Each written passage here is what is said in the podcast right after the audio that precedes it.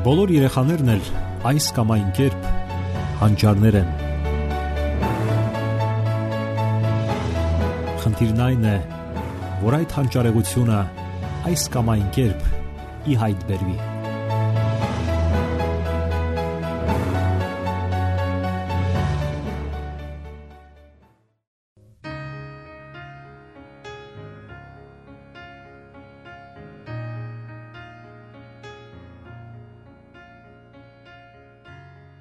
Բարև ձեզ սիրելի ռադիո լսողներ։ Եթերում դասյարակություն հաղորդաշարն է։ Ինչ է մանկական խանդը եւ մրցակցությունը։ Խանդը բարկության եւ վախի համակցումն է։ Խանդը կարելի է մեկնաբանել որպես իր հանդեպ սիրո եւ ուշադրության կորստի վախ, անհանգստություն։ Երեխան ցանկանում է սիրված լինել, լինել ուշադրության կենտրոնում, եւ նա հաճախ վախենում է կորցնել այդ սերը, հարգանքը եւ գնահատականը ծնողների, ուսուցիչների, հարազատների եւ ընդհանրապես իր համար կարևոր մարդկանց կողմից։ Իսկ մրցակցությունը բարկության այն տեսակն է, որը դրսևորվում է այն ժամանակ, երբ փոքրիկը ցանկանում է լինել ամենալավը կամ հաղթել։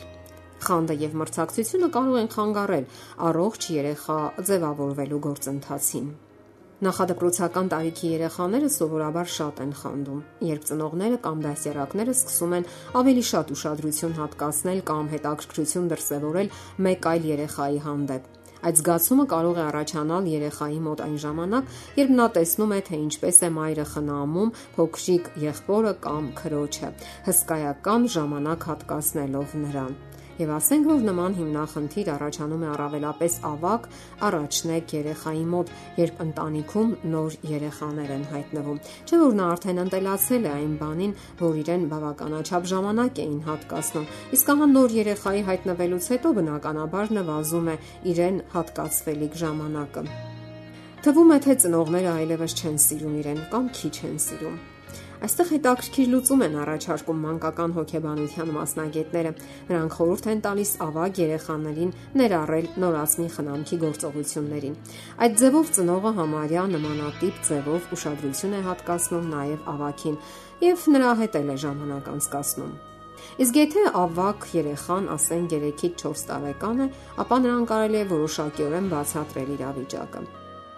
Ասենք ձեզ հարկավոր է որոշակի ժամանակ կոնկրետ լինել նորածնի հետ, ապա կարող եք այսպես մեկնաբանել. Տեսնում ես փոքրիկ եղբայրդ իրեն շատ վատ է զգում առանց մայրիկի։ Տեսնում ես ինչպես է լացում։ Ես պետք է բռնեմ նրա ձեռքը։ Մայրիկը քո ձեռքն էլ է բռնում, երբ դու քեզ վատ ես զգում կամ հիվանդ ես։ Այդպես չէ։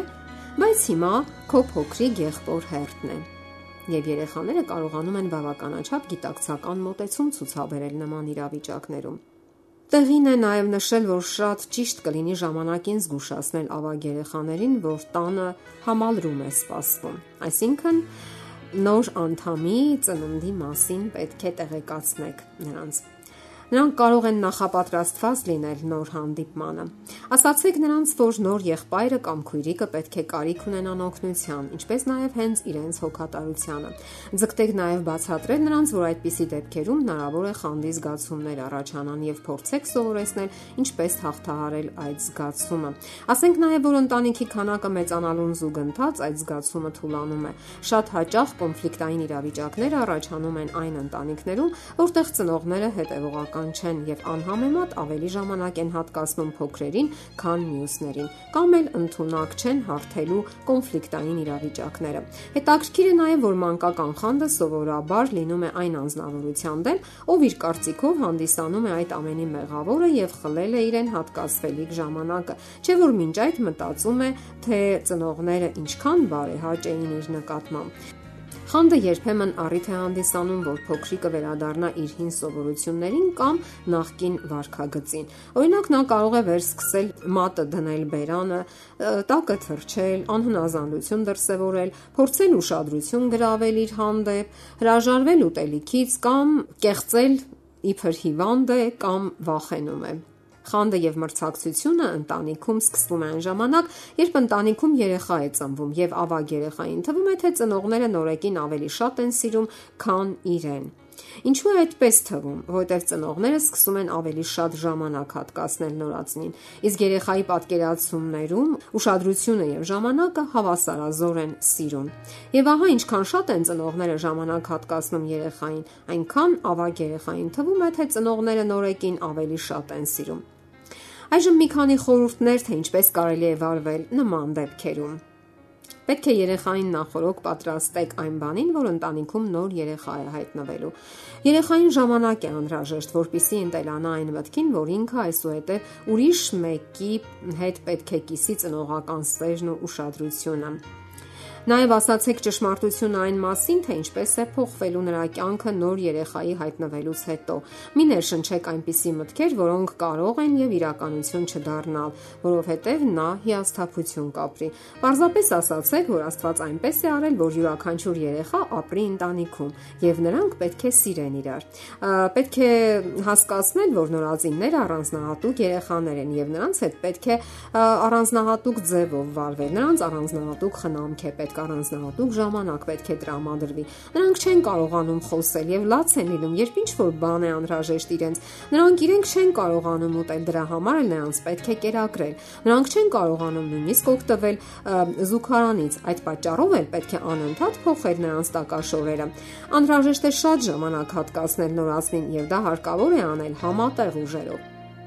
ասացեք, որ այն պահին, երբ նրա համար գիրք եք կարդում, նորածինը կարող է այդ պահին քաղցել ու լացել եւ դուք ստիպված պետք է հոգաք նրա կարիքները։ Եվ երբ դուք ավակ երեխայի հետ քննարկեք հնարավոր իրավիճակների բոլոր առանձնահատկությունները եւ բացատրեք երեխային, որ նորածինը իսկապես անօգնական է եւ կարիք ունի մշտական ուշադրության, դա շատ առումներով կօգնի նրան ընդունելու այն, ինչը անխուսափելիորեն պետք է տեղի ունենա, եւ դուք կխուսափեք շատ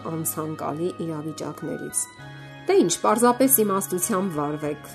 ձեր երեխաների հետ եւ արեք լավագույնը նրանց համար։ Սիրելի ռադիո լսողներ, եթերում դասերակցություն հաղորդաշարն է, ձեզ հետ է Գեղեցիկ Մարտիրոսյանը։ Ձեզ ուզող հարցերի համար կարող եք զանգահարել 093 00 63 27 կամ 094 93 55 77 հեռախոսահամարներով